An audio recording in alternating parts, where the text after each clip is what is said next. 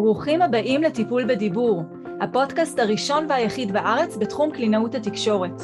אני נועה ברק, אימא לשישה מתוקים, קלינאית תקשורת התפתחותית מאז 2010, מדריכת הורים, מלווה התפתחותית, ויוצרת משחקים טיפוליים ותוכניות לשיפור הדיבור. הפודקאסט עוסק בתחום השפה והדיבור מנקודת מבטה של קלינאית התקשורת, דמויות להורים ולכל מי שנמצא בתקשורת יומיומית עם ילדים. חפשו אותי באתר שלי noabarak.co.il ועקבו אחריי גם ברשתות החברתיות. האזנה נעימה. שלום לכל המאזינות והמאזינים. רגע, שנייה, אני עוצרת. אה, רגע, רגע. שלום לכל המאזינות והמאזינים, נמצאת איתנו היום פרופסור נעמה הצבא פוריה.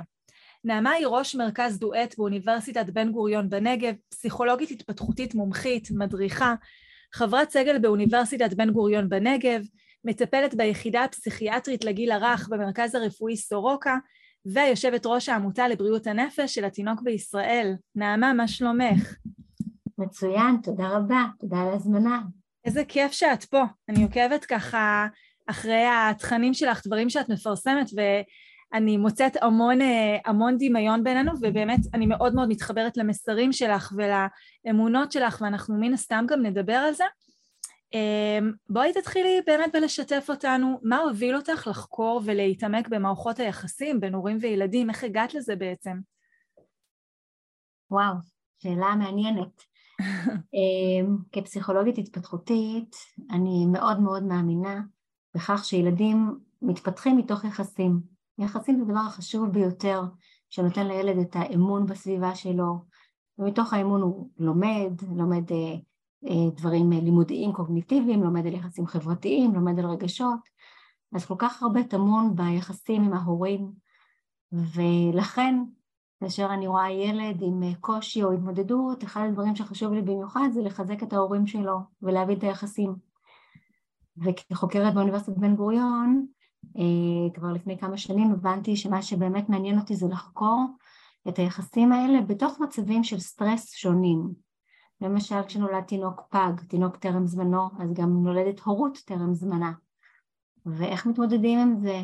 איך אה, מפתחים את האינטואיציות אה, אה, שאולי ככה בהתחלה קצת השתבשו בגלל הלידה הלא צפויה, או אם יש ילד שמתקשה לאכול, או אפילו נושא של הגירה, לעבור מתרבות אחת לאחרת, לגור בעוטף עזה איפה שהיום יום הוא קצת אחר, כל הנושאים האלה, מה זה עושה להורות, מה זה עושה ליחסים, ואיך בסוף זה משפיע על הרווחה הנפשית גם של הילדים וגם של ההורים או צוותי החינוך שמטפלים בהם. זה באמת, זה, אני מאוד מאוד מתחברת וזה נושא כל כך מורכב, כי פעם אני חושבת שהייתה יותר תפיסה שאם יש לילד איזשהו קושי, איזושהי בעיה, אנחנו מטפלים בילד. איש המקצוע מטפל ישירות בילד. ולא הייתה המון התייחסות לא למקום של ההורה לא, לא רק לדינמיקה ביניהם, אלא אפילו איפה זה פוגש את ההורה בתוך הדבר הזה, ועד כמה הוא מביא, איך, איך זה גורם לא להגיב בתוך זה. והיום אנחנו יותר יודעים עד כמה הדברים הם באמת מאוד מורכבים. יש מחקרים שעוסקים באפיגנטיקה. אפיג, אפיגנטיקה זה עד כמה גנים מסוימים באים לידי ביטוי, כלומר כולנו הרי נולדים עם מטען גנטי טבוע בנו, אבל עד כמה גן מסוים יבוא לידי ביטוי זה משהו שהוא אה, מחקרים ממש מראים שזה תלוי סביבה, נכון? זה, יש לזה השפעה סביבתית. כן, בהחלט, אה, שזה באמת השינוי שאנחנו היום מבינים שזה לא רק גנטיקה וזה לא רק סביבה, זה השילוב בין השתיים שמעצב את הילד, אבל גם אה, מעצב את ההורה. ואחד הדברים אולי שאנחנו יודעים זה שאין תינוק או אין ילד שהוא גדל ללא הורה, כמו גם שאין הורה שהוא הורה של לא ילד, אפשר לומר. אז אנחנו תמיד מחזיקים את אה, שניהם יחד. וכשיש לילד קושי זה לא אומר, אני לא רוצה שאנשים אה, יבלבלו, זה לא אומר שזה בגלל ההורה. ברור. אבל זה אומר שההורה הוא חלק מהסיפור, כי בסופו של דבר ההורה הוא זה שמתמודד עם הילד ביום יום, וההורה רוצה לעזור לילד להתפתח ולהרגיש טוב, ולכן התפקיד שלנו, המעטפת החברתית, המעטפת המקצועית, היא לעזור להורה כדי שהוא יוכל להתמודד טוב יותר ביום יום ולעזור לילד שלו בצורה טובה יותר. אבל כמו שאת אמרת, אה, בעבר נטו לחשוב, ועדיין לצערי הרבה אנשי מקצוע, או אה, זה רווח בכל מיני מקומות, לחשוב שצריך להתמקד בעיקר בילד. אז הילד הוא מאוד חשוב ואנחנו רוצים להבין מה עובר על הילד ואיך לעזור לו, אבל לפני כן מה שאני מאוד מאוד מאמינה ומה שאני עוסקת בזה גם בטיפול וגם במחקר זה שמעניין אותי קודם כל לדעת מה יעזור להורה, מי זה אותו הורה, מה הוא מעדיף, מה נכון עבורו, אין, אין אמת אחת, זה לא שיש לנו איזשהו textbook שאומר ככה מתנהגים, לחשוב מה נכון עבורו על פי המאפיינים שלו, על פי האמונות שלו אמ, ומתוך זה לראות איך נכון לפעול עבורו ועבור הילד שלו. לגמרי, חד משמעית. באמת חלילה לא באמת לגרום להורים ייסורי מצפון, כי הורים הולכים עם ייסורי מצפון גם ככה לצערנו. להפך, הורה צריך את התמיכה הזאת.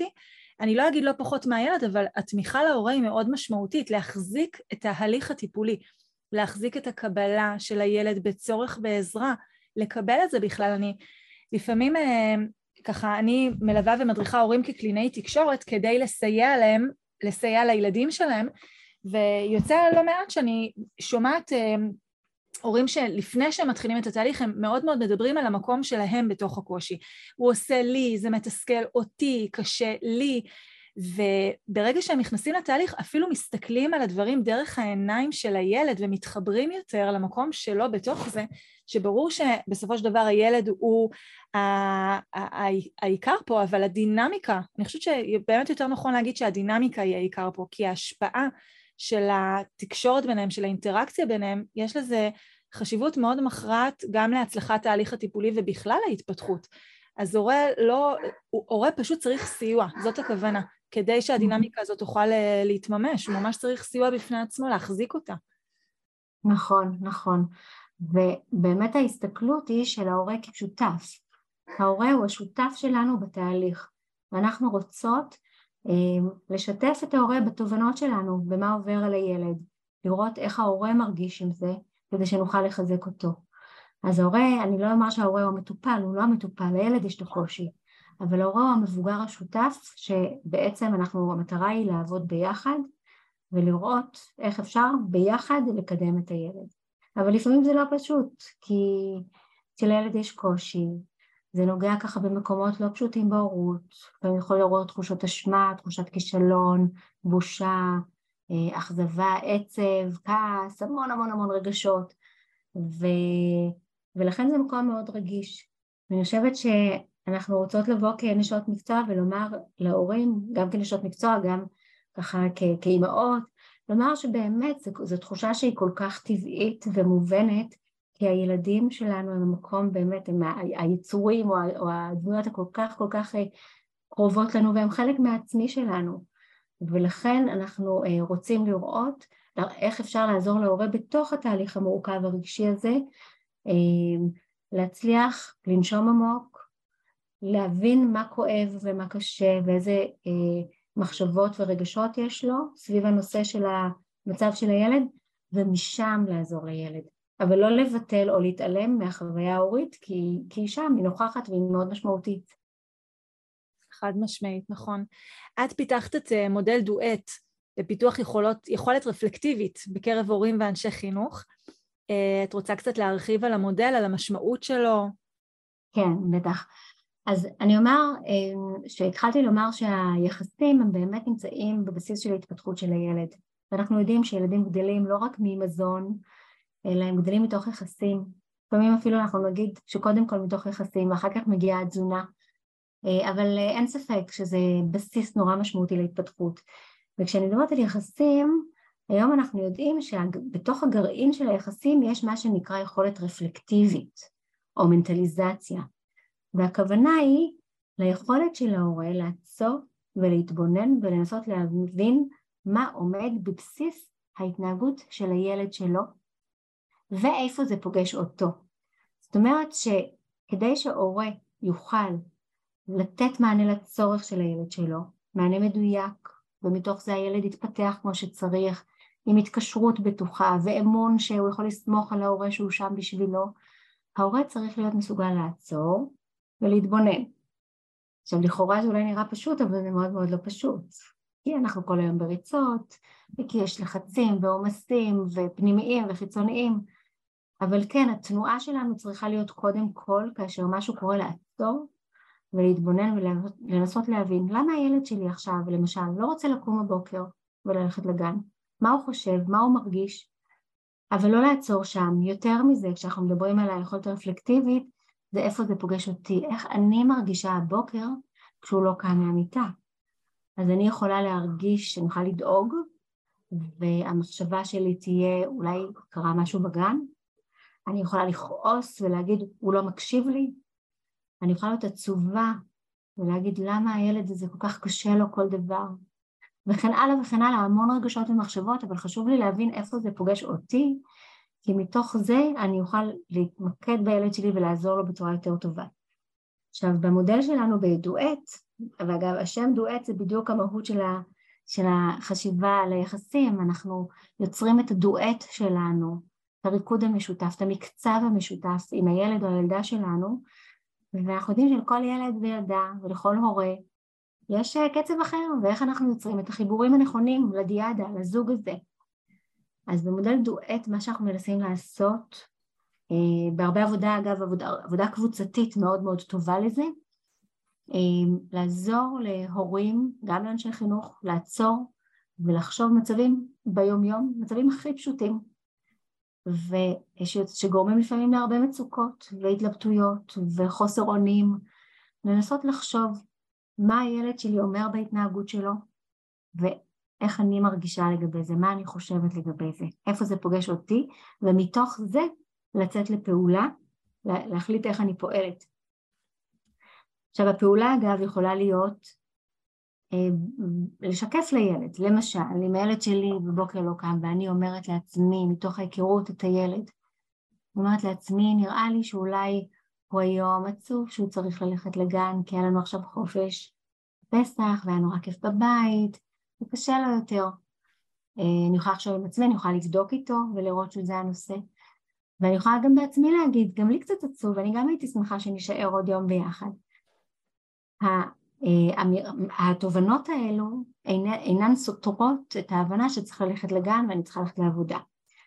אה, כלומר יש לנו שתי ידיים, יש יד אחת שהיא אה, בעצם משרטטת לנו את גבולות המציאות, הולכים לגן, הולכים לעבודה, והיד השנייה מתקפת, מתבוננת, עוטפת, רואה את החוויה.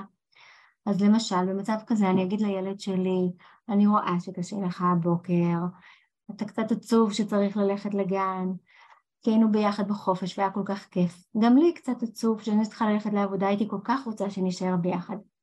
אבל צריך ללכת, אתה לגן, אני לעבודה, ואיזה כיף שניפגש היום בארבע.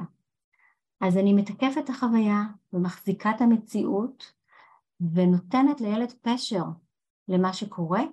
ילד יודע שיש פה הורה אחראי שמחזיק אותו, עוזר לו להבין מה קורה, יכול להישען עליו, ובתוך כל זה הילד גדל ומתפתח כי הוא מצליח להתמודד עם תסכול או עם קושי, בידיעה שאני שם בשבילו, וגם בהבנה שאנחנו נפגשים בסוף, או אחרי תסכול יש גם חוויה טובה. זה נותן המון ביטחון לילד, כי הרי רגשות זה משהו שנולדים איתו. אנחנו מרגישים, גם תינוקות קטנים מרגישים, אבל אפילו בלי קשר לילד עם עיכוב בדיבור או לא עיכוב בדיבור, גם ילד שיודע לדבר, לא תמיד יודע לזהות את מה הוא מרגיש עכשיו, זה באמת תהליך של אימון. אפילו מבוגרים נכון. לפעמים לא יודעים בדיוק לזהות. ויש בזה משהו מאוד מרגיע שאני כמבוגר מספר לילד מה, מה עובר לו עכשיו בגוף. כמובן, mm-hmm. זה השערה, כי אני לא יכול להרגיש, אבל לפי התגובות של הילד אני יכול להבין אם קלעתי או לא קלעתי. ויש בזה המון ביטחון לדעת, אה, ah, אז ככה קוראים לזה. אז, אז זאת המשמעות של זה. וכמו שאת אומרת, זה לשקף את המציאות כרגע ולתת את הפתרון. כלומר, הפתרון הוא לא לבטל את המצב. זה לא אם לא, אם קשה לך לחזור לגן אז נישאר בבית. הפתרון הוא שאנחנו נתראה בשעה ארבע. נכון. באמת לסמוך על ההורה שהוא הדמות שמובילה והוא הדמות ש, שעוזרת לי גם לזהות את איך אני מרגיש וגם הוא נותן את הפתרון שמתאים כרגע לסיטואציה לשנינו. נכון. לפעמים המציאות באמת מורכבת או לא נוחה, אנחנו, לכולנו, גם לילדים צעירים וגם למבוגרים. אמ, והיא מעוררת תסכול או חוויה ככה פחות נעימה.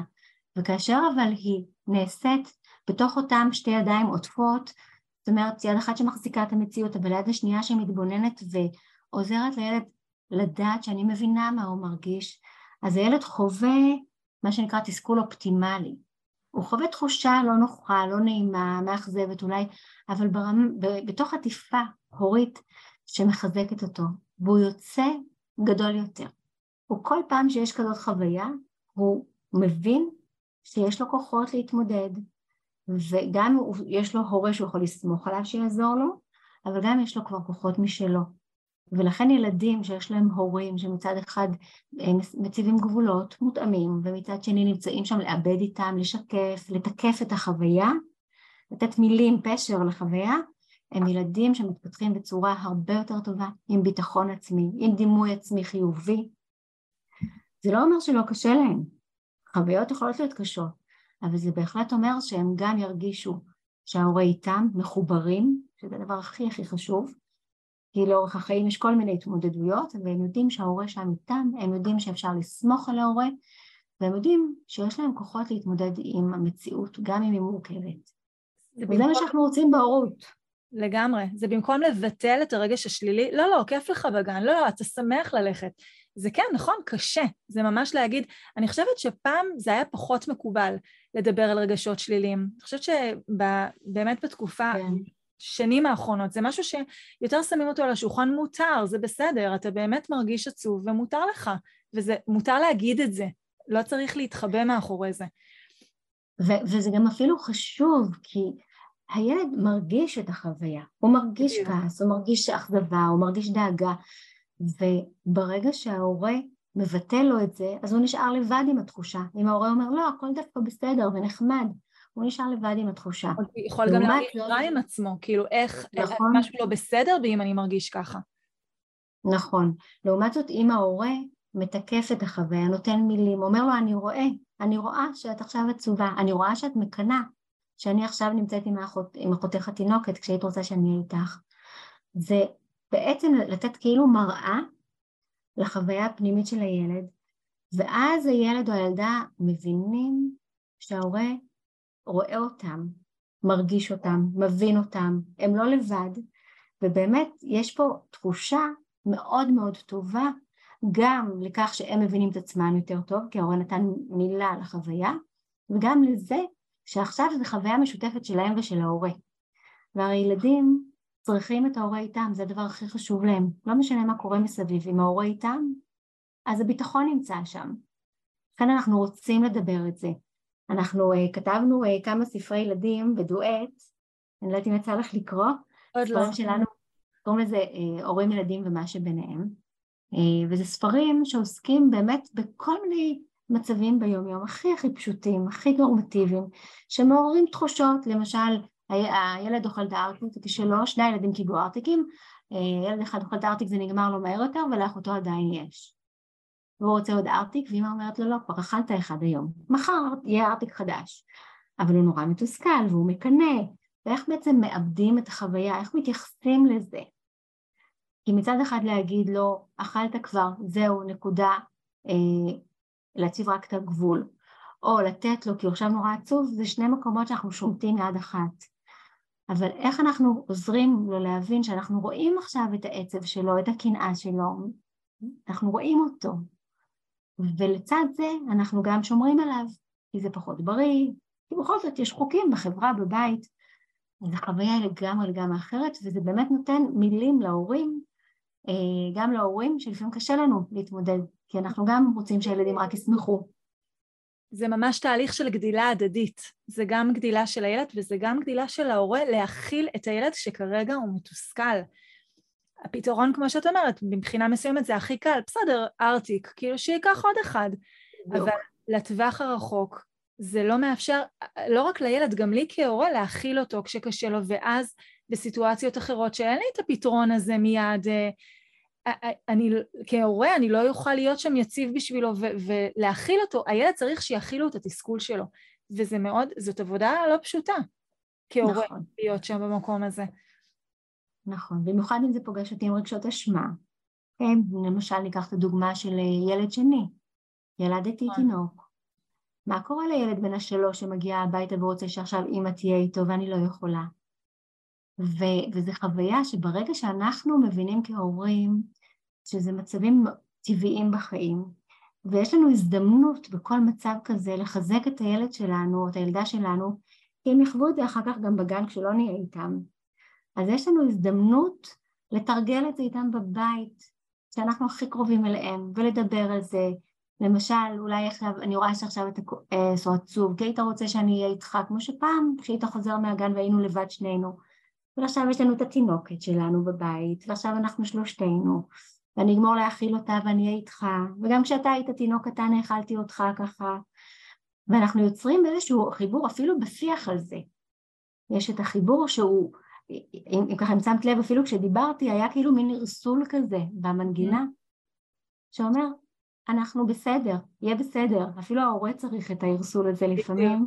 בדיוק, נכון, זה גם פוגש את ההורה כילד, איך ההורה גדל, אמ, אפילו נכון. התמודדות עם איסורי מצפון שבאים לפעמים מהסביבה, אולי המשפחה לפעמים יכולה להגיד, נו מה הסיפור, תני לו עוד ארטיק, למשל.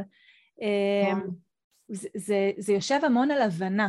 אני חושבת שבאמת ברגע שאתה יודע ואתה מבין שמה, שאתה לא הורה רע, שאתה לא נותן לו עכשיו ארטיק נוסף, להפך, זה מעצים אותו וזה מעצים אותך כהורה, ובטווח הרחוק אתה בונה איתו מערכת יחסים טובה יותר ככה, אז הרבה יותר קל להתמודד עם זה. כש, כשאני לא יודעת מספיק האם מה שאני עושה הוא באמת נכון או לא, אז אני יכולה יותר בקלות להתבלבל מאמירות מהסביבה, ואז זה גם משהו שיכול לערער, אפרופו איסורי מצפון. נכון, נכון, אנחנו רואים את זה למשל עם כל הסוללריים כיום, עם המכשירים הסוללריים, שהרבה הורים מאוד מאוד מבולבלים, כי הדעות הן אה, לכאן ולכאן, או יש הרבה אמירות שליליות, אבל מצד שני כולם עם המכשירים האלה שהפכו להיות הרבה יותר מטלפון, ובאמת אה, אחת ההמלצות שלנו להורים זה לעצור ולגבש את העמדה שלהם אה, לגבי המכשיר, לא להקשיב רק לכל הקולות של, של אסור או חובה, כן, כי יש גם את החובה לתת לילד, כי כל החברים שלו שם. זה כבר עניין אז... חברתי גם מתערב לנו פה, זה ממש נהיה מורכב. אז צריך לעצור ולחשוב, ואני יכולה להגיד ככה באופן כללי, כשהורים מרגישים רגשות מאוד מאוד קשים סביב מצבים שונים עם הילדים, או מאוד מבולבלים, זה גם הזמן להתייעץ, להתייעץ עם אנשי מקצוע, עם רגשות אשמה חזקים עולים, או כעס מאוד מאוד גדול, כי הם באמת רגשות שהם לפעמים מתעצמים וככה משתלטים על היחסים, ואז קשה באמת להיות רפלקטיביים ולראות את הצורך של הילד. ואלה מקומות שאנחנו מטפלים בהורים, בדיוק במקומות האלה, במניעה, לא, לא בהכרח אם יש בעיות קשות, אלא דווקא כמניעה, כדי שלא תהיינה אה, בעיות בהמשך, איך ההורה יכול לעצור ולנשום ולחשוב את עצמו ומה נכון עבורו בכל ההקשרים השונים ואיפה זה פוגש את הילד שלו ואז לראות איך משם הוא יכול לעזור טוב יותר לילד שלו. כי גם הורה צריך שיעשו לו רפלקציה בעצם למה אתה מגיב ככה, מה עובר עליך כדי שתוכל לשנות את ההתנהגות שלך מול הילד, זה ממש אה, נכון. שרשרת כזאת. נכון, וכהורים אה, זה משהו נורא חשוב לדעת איך אנחנו צריכים קודם כל לטפל בעצמנו. למשל, האם יש לי רגע במהלך היום שאני נושמת? כאילו נשמע הזוי, הזויה השאלה הזאת, אבל כן, נושמת, לרגע חושבת מה עובר עליי, מה מעסיק אותי, או מה מטריד אותי עכשיו כל כך שאני מרגישה שאני מאוד קצרה עם כולם, או מרגישה כובד כזה רגשי. עצם ההתבוננות הפנימית, אני קוראת לזה קצת כמו בדק בית, אני בודקת את עצמי. היא מארגנת אותי, וברגע שהיא מארגנת אותי יותר טוב, גם אם לא שיניתי את המציאות, אני עדיין יכולה לחשוב על זה שאני מרגישה קושי בגלל שיש לי בעבודה איזושהי אה, משימה גדולה לעשות. לא שיניתי את המציאות, אבל זיקקתי לי מאיפה מגיעה מגיע התחושה הזאת, ואז אני יותר פנויה. מתפנה לי אנרגיה, משאבים פנימיים, אני יותר פנויה להקשיב לילד שלי או לצרכים שלו, ואני יכולה להיות אימא יותר מותאמת. מה שנורא מעניין זה שהילדים מגיבים לזה ישר. נכון. אז אנחנו ממש עושים פה עצירה של מערכת שיכולה להידרדר, מין כדור שלג כזה, מקום של עצירה ונשימה והתבוננות, כך שעכשיו אני מדויקת יותר כלפי הילד שלי, אני עוזרת לו יותר טוב להבין מה קורה לו, מה הוא חווה, מה הוא מרגיש, מה הוא צריך, ומתוך זה הוא נרגע גם כן. אז אה, זה גם מרגיע אותי. אז אנחנו רוצים לעבור ממעגל כזה שלילי של הידרדרות למין מעגל אינטראקציה הרבה הרבה יותר רגוע ומותאם. זה כמו שבמטוס כל הזמן מנחים שאם חלילה יש נחיתת חירום או איזשהו מקרה חירום, קודם כל חמצן עליך ואחר כך על הילד. זה, זה ככה, אני, אני, לא גדלנו ככה כולנו בהכרח, זה קודם כל הילד, אבל באמת חייבים להבין שאם אני לא דואגת קודם כל לעצמי כהורה, אין לי, נגמר לי, אין לי למי לתת את זה אחר כך הלאה, כמה זה חשוב לעצור, להבין נכון. את עצמי, לתת לעצמי מקום בתוך הדבר הזה. נכון, ואני יכולה, חושבת שגם את החשיבה הרפלקטיבית אנחנו יכולים לקחת בתוך הבית, אפילו ליחסי אחים. אם אנחנו חושבים על זה, כשיש לנו יותר מילד אחד, יש שני ילדים, יש קונפליקטים, יש ריבים, יש תחרות, דברים אגב מאוד טבעיים, גם מאוד בריאים ומפתחים את היחסים, ואת כל אחד מהילדים, אבל מורכבים, לא נעים לנו כשהילדים שלנו רבים אחד עם השני. וכאשר אני באה בעמדה רפלקטיבית, עמדה מתבוננת, שלא קובעת מי צודק ומי טועה, אלא אומרת לילדים בואו ננסה להבין מה קרה פה. אגב, רק כאשר כולם רגועים, כי כשאנחנו בעוצמות רגשיות גבוהות אי אפשר לחשוב.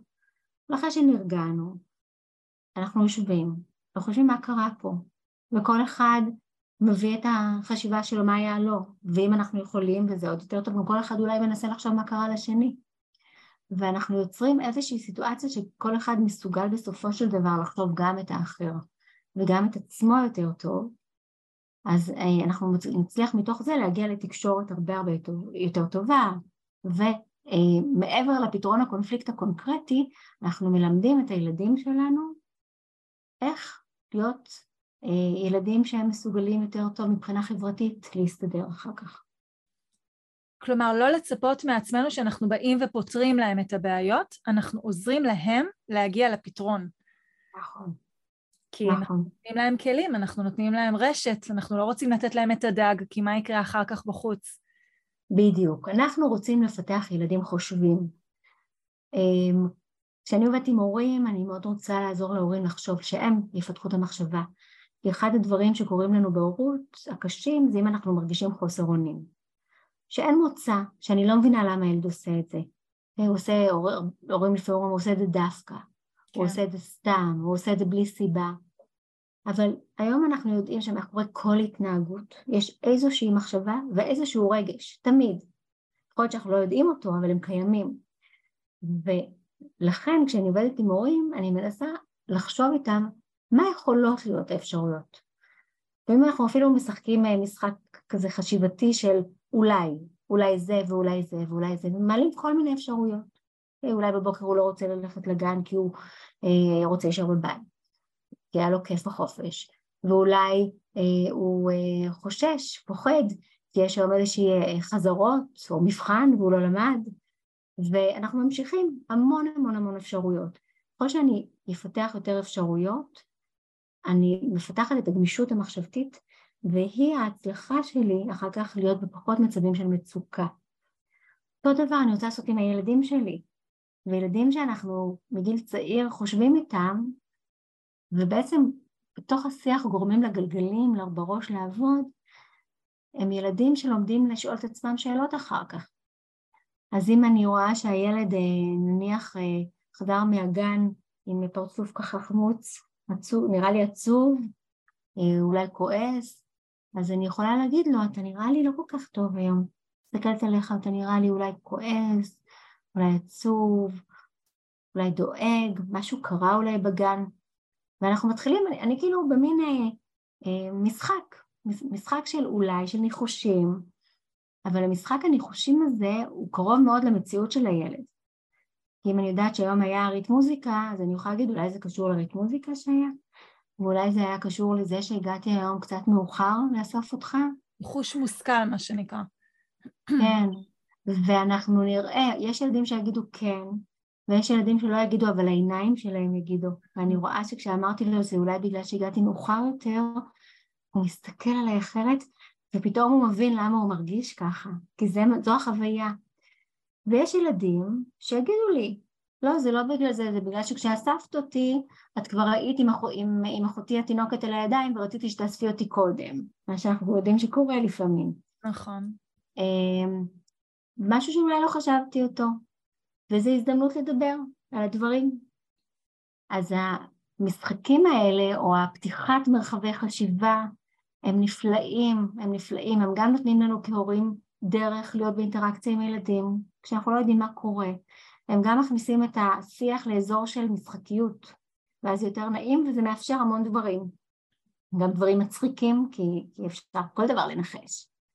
אה, וזה גם עוזר לילד באמת ללמוד את המנגנון של איך אני חושבת עצמי, גם כשהוא יהיה לבד הוא יוכל לעשות את זה, וגם איך אני מתקשרת את עצמי, מספרת לאימא דברים, מספרת אחר כך לגננת אולי. זה מקסים, אני גם מדריכה הורים לעשות ככה, כי הרבה פעמים כשילד חוזר מהגן, אפילו ב, לא בהכרח אם יש לו איזשהו רגש כרגע קשה שהוא מוציא, משקף כלפי חוץ, אני מאוד רוצה לדעת איך היה לו בגן.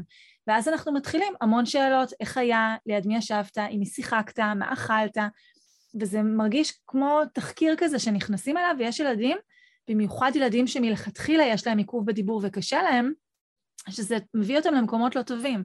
ואז באמת אחד מהרעיונות שאני מדריכה הורים זה משחק הניחושים אבל אבסורדים. בטח היום טסת בחצר במטוס המעופף. וזה משהו שמכניס, אני כאילו העליתי השערה, אז זה לא ששאלתי שאלה ישירה והוא מרגיש שהוא חייב לענות לי, זה מין השערה שנזרקה לאוויר. אם מתאים לו להתייחס, להגיב, ובגלל שזה מצחיק, גם סביר להניח שזה ימשוך אותו להיכנס לאינטראקציה, אז מעולה. ואם לא, זה גם בסדר, אבל הוא לא נשאר מול חוויה של כישלון ששאלו אותי שאלה ישירה, ואין לי כרגע את הכלים או היכולת בעצם לענות עליה. אז זה ממש ככה משתלב. זה מאוד יפה, כי גם המשחק והמשחקיות זה הכוח וה, והאזור המאוד מאוד משמעותי לילדים בהתפתחות. נכון. ואנחנו יודעים שהמשחקיות שה, הזאת, היכולת להמציא דברים, היכולת לחשוב כל מיני מחשבות, כמו שאת אומרת, טסת לירח, או, או אה, כל מיני דברים שהם מצחיקים ו, ו, אה, ולא יכול להיות שהם אמיתיים, אבל אפשר לחשוב אותם, זה מעורר את, ה, אה, את החיוך ואת המקום הזה שמחבר, זה מגביר מוטיבציה לשתף פעולה, ובמיוחד במיוחד זה יוצר קרבה בין הורים לילדים. ואני חושבת שלפעמים הורים באמת מרגישים חוסר אונים כי הם לא יודעים איך לגשת לילד שלא מדבר איתם ולא מספר. שאגב הילד לא מדבר ולא מספר, אה, כמו שאמרתי, לפעמים אין את השפה, ולפעמים באמת קרו כל כך הרבה דברים במהלך היום. מאיפה להתחיל. נכון, כן. מאיפה להתחיל, מה חשוב, מה לא. ואז כשאנחנו משחקים במשחק הזה, אז אה, זה מאפשר לילד להביא דברים שבאמת פתאום ככה הוא נזכר והוא רוצה לשתף. ואנחנו עוזרים להורה לשחק, שזה קודם כל חשוב מאוד, כי. הרבה הורים שוכחים איך משחקים, להיות במקום המשחקי הזה ולדעת שלא צריך להיות מוכשר מאוד ולא צריך אביזרים ויצירתיות אה, ככה בידיים, אלא המחשבה, ואפשר לעשות את זה באוטו ואפשר לעשות את זה בדרך, בהליכה, בכל מקום, וזה באמת, זה גורם להרגשה מאוד מאוד טובה ולחיבור בין הורים לילדים. אה, ואני חושבת שבאמת מה שאנחנו אה, רוצים לעשות זה לעזור להורים להבין שזה בסוף מה שחשוב, האווירה ביניהם לבין הילדים. ממש, ממש ככה, וגם לזכור שהתזמון פה מאוד משמעותי. יש ילדים שהמעבר הזה מהגן לאוטו, לבית, לא מתאים להם כרגע לבוא ומיד לשתף. וצריך מאוד להיות נכון. קשובים. יש ילדים שרוצים רגע את השקט. אנחנו עוברים לסטינג אחר, אנחנו מחליפים אווירה, רגע להתמקם שם מחדש, ואולי אחר כך הם יאכלו אולי משהו, אולי הם רעבים, אולי הם רוצים רגע לנוח. בכל זאת להיות בגן זה, זה עבודה חברתית אה, גדולה. מאוד מורכבת. כן.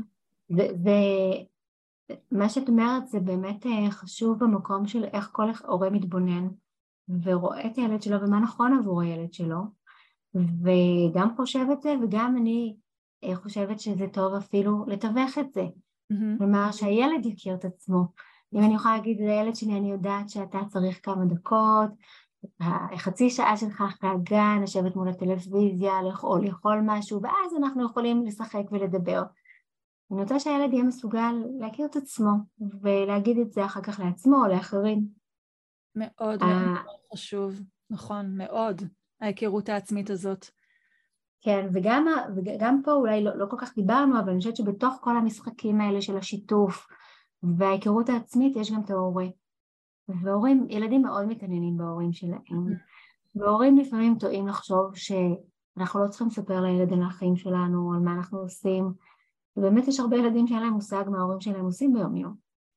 ואני חושבת אנחנו לא רוצים להכביד על הילד יותר מדי פרטים, mm-hmm. אבל לשתף אותו קצת בפרטי מידע, זה יכול להיות גם דוגמה אישית וגם מאוד לקרב. אז לספר קצת על היום שלי, אמ, או לספר על זה שגם אני צריכה את הכוס קפה שלי כשאני חוזרת הביתה, להוריד את הבגדים, להחליף לבגדים של בית, ועכשיו יותר נעים לי לשחק. בעצם, עצם זה שאנחנו משתפים את הילדים שלנו, אנחנו עוזרים להם לחשוב את האחרים, להיות רפלקטיביים בעצמם. נכון. ואז כשהילד בא הביתה, הוא יודע שאימא למשל צריכה כמה דקות להחליף בגדים, לשתות קפה, ואז היא מוכנה למשחק. אז הוא יכול יותר טוב לצפות ולנבא מה עומד לקרות, וזה מחזק מאוד את תחושת הביטחון. נכון, במיוחד אם זה דברים שתואמים גם לילד, ואז זה יוצר הזדהות ומנרמל תחושות נכון. שלו. נכון. ומאוד מחזק את זה. בואי נדבר קצת על הורים אה, שיש להם יותר מילד אחד. אצלנו, ברוך השם, יש שישה ילדים. ו, וזה נהיה באמת יותר מורכב, כי אתה כן רוצה לתת לכל ילד את התשומת לב האישית שלו. ומצד שני, הם חבורה. יש הרבה, ו, ומעצם זה שהם יותר מילד אחד, הזמן שלך מתחלק בין יותר ילדים. Mm-hmm. אז באמת, איפה אנחנו מוצאים את עצמנו ביכולת להעניק לכל ילד את מה שהוא צריך בתוך זה?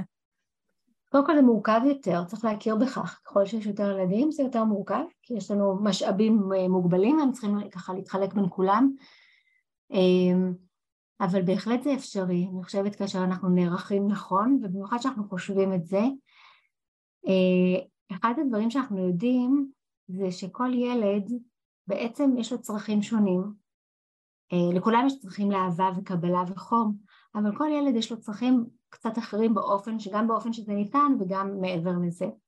וכהורים אנחנו צריכים לתת לכל ילד אה, את הטיפול על פי צרכיו. Mm-hmm. זאת אומרת שלא את הטיפול השווה, אלא את הטיפול המותאם. אה, ומה שמאוד מאוד יפה לדעת זה שילדים, כאשר הם מבינים את הסיבה שבשלה הורים נמצאים למשל יותר עם ילד אחד מאשר עם אחר, הם, זה לא פוגע בהם בכלל, הם מחזקים את זה. כלומר, חשוב לנו מאוד לתקשר את זה.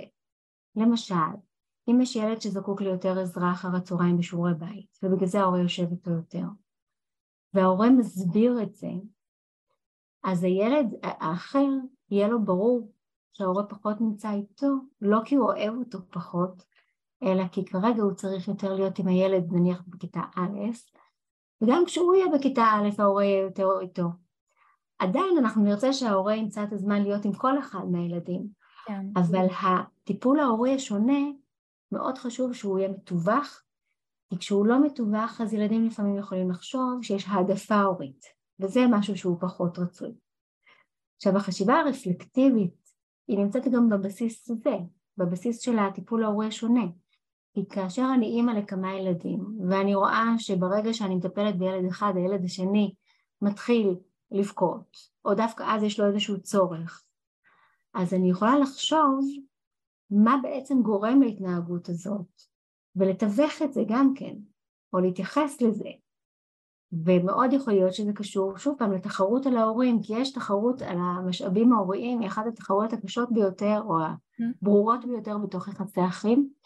וכשאני מסוגלת להתייחס לזה כאימא ולהגיד ממש על כך שאני רואה שקשה לו שאני נמצאת יותר עכשיו עם אחותו התינוקת ופחות איתו אמ, אז אני בעצם מחבקת אותו במילים שלי. אני אומרת אני רואה את זה.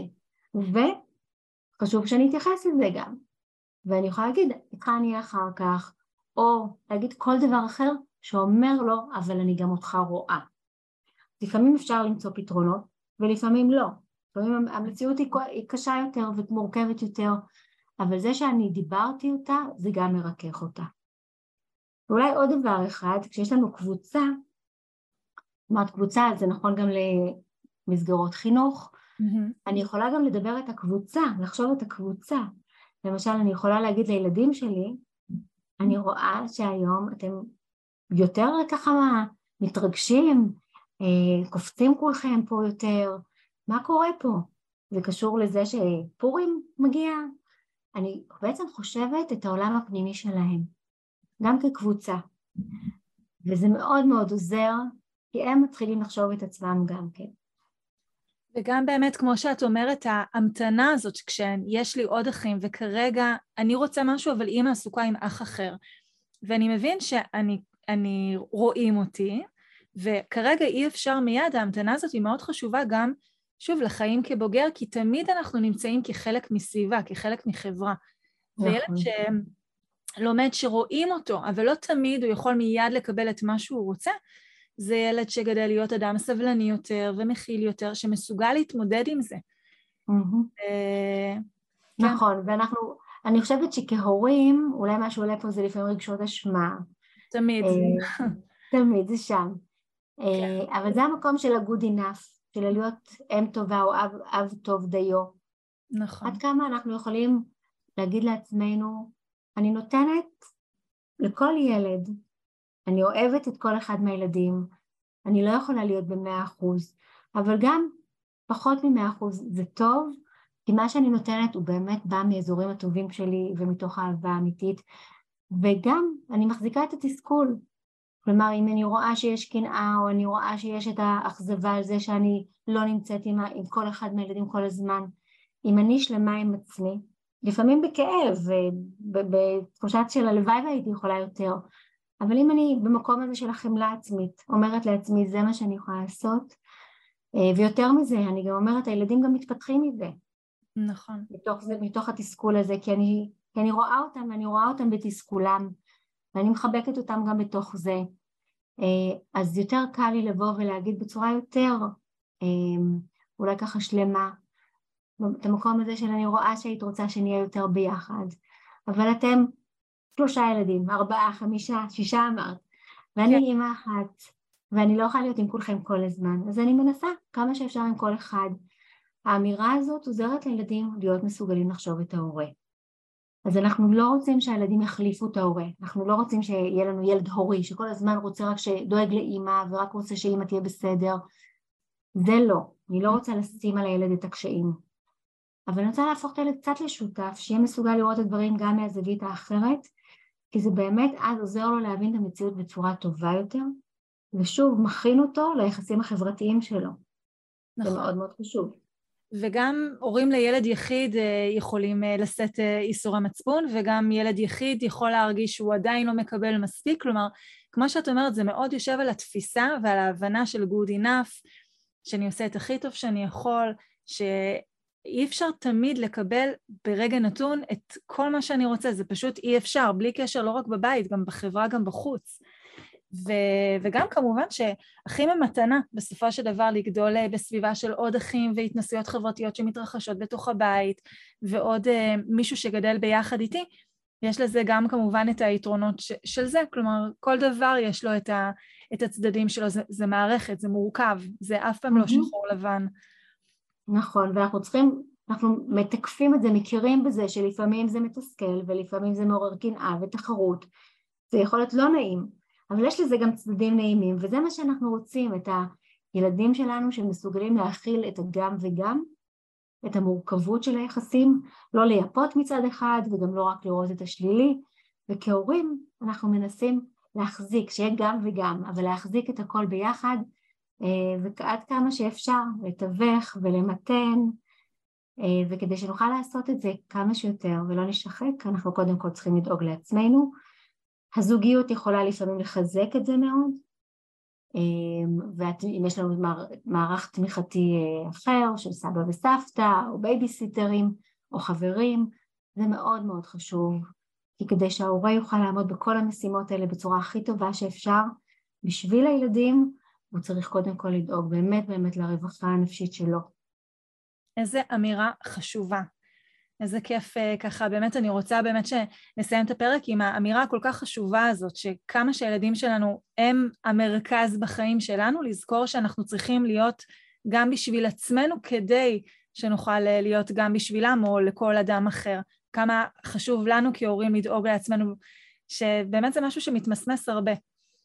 ככה נכון. קל למסמס את זה, זה הרבה פעמים נדחק לסוף בסדר העדיפויות שלנו. נכון.